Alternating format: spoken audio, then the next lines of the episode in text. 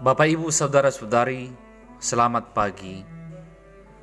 Marilah terus bersyukur di hadapan Tuhan, karena hingga hari ini kita sehat dan selamat. Di tengah-tengah ancaman COVID yang belum berakhir, Tuhan selalu hadir menyapa dan memperlengkapi hidup kita. Oleh karena itu, marilah tetap rindu mendengarkan dan menghidupi firman Tuhan Hari ini Senin 7 Desember 2020. Firman Tuhan tertulis dalam kitab Yesaya pasal 11 ayat 1. Suatu tunas akan keluar dari tunggul Isai dan taruk yang akan tumbuh dari pangkalnya akan berbuah. Dungi ruar masada tunas sian tuko nisi Isai. Jalam raparbue sada tubis na tubu sian uratna Demikian firman Tuhan. Saudara-saudari, Allah menyatakan bahwa Mesias akan datang dari keturunan Daud yang dijanjikan itu. Sesudah pohon Daud dipotong dan hanya tunggulnya yang tertinggal, tumbuhlah tunas baru.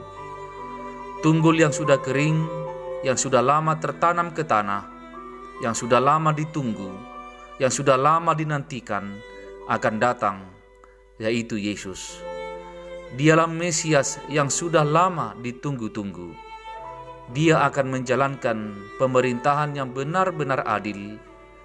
Dia akan membela hak-hak orang lemah dan orang miskin terhadap orang-orang kaya dan berpengaruh.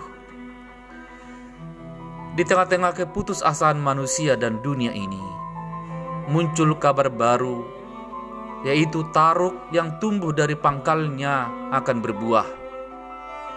Sangat ironis, muncul buah dari pangkal pohon, tetapi itu akan nyata.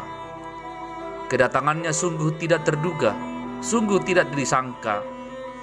Mesias akhirnya datang pada kita. Dia yang lemah lembut itu mendatangi hidup kita dan akan memberkati kita.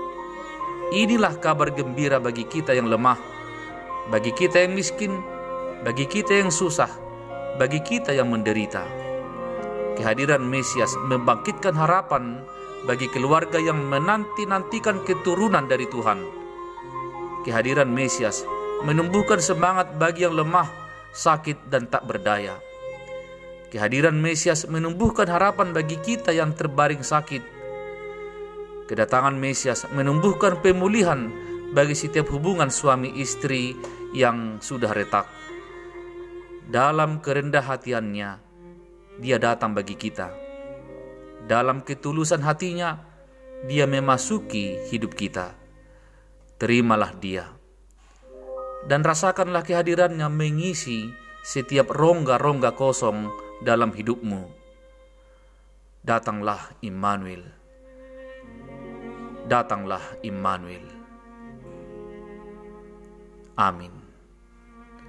Marilah berdoa. Ya Tuhan Bapa kami, kami menyambut Engkau di dalam hati kami. Dia yang datang yaitu Mesias yang lemah lembut, yang penuh dengan ketulusan hati, mengisi, menguasai, dan memperlengkapi hidup kami. Maka nyalakanlah harapan kami, nyalakanlah semangat kami untuk terus berjalan di tengah dunia ini. Amin. Selamat bekerja dan beraktivitas. Shalom